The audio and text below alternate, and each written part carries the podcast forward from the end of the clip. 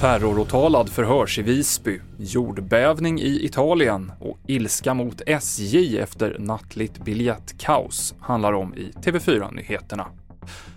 Idag så förhörs den åtalade Theodor Engström om mordet på psykiatrisamordnaren Ingmarie Wieselgren i Visby under Almedalsveckan.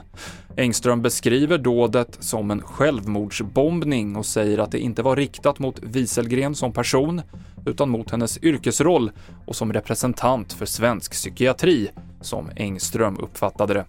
Tidigare idag förhördes Centerledaren Annie Lööf som var utpekad måltavla och därför är målsägande. Dels påverkar det mig som politiker, inte så mycket eftersom jag fortsätter och jag, jag viker mig inte, men eh, det påverkar mig som privatperson jättemycket. Det påverkar mig som mamma när man får när, när ens sjuåring kommer hem och frågar varför någon vill döda mig.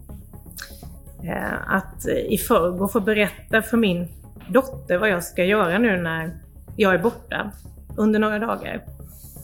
Eh, jag tycker inte att några barn ska få uppleva det faktiskt. Och vi direktrapporterar från rättegången på tv4.se. Ett jordskalv med magnituden 5,7 har skakat regionen Marke på Italiens östkust under morgonen. Skolor håller stängt och tågtrafik står stilla, men i nuläget finns det inga uppgifter om skadade personer.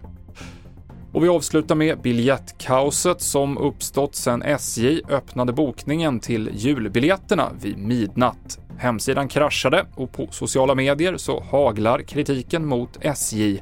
En av alla resenärer som drabbats är Johanna Holmberg som planerar att åka till Alvesta över julen.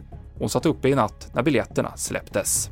Jag satt liksom med två browsers på min telefon och tre på datorn och bara satt, suttit i tre timmar och laddat om och laddat om.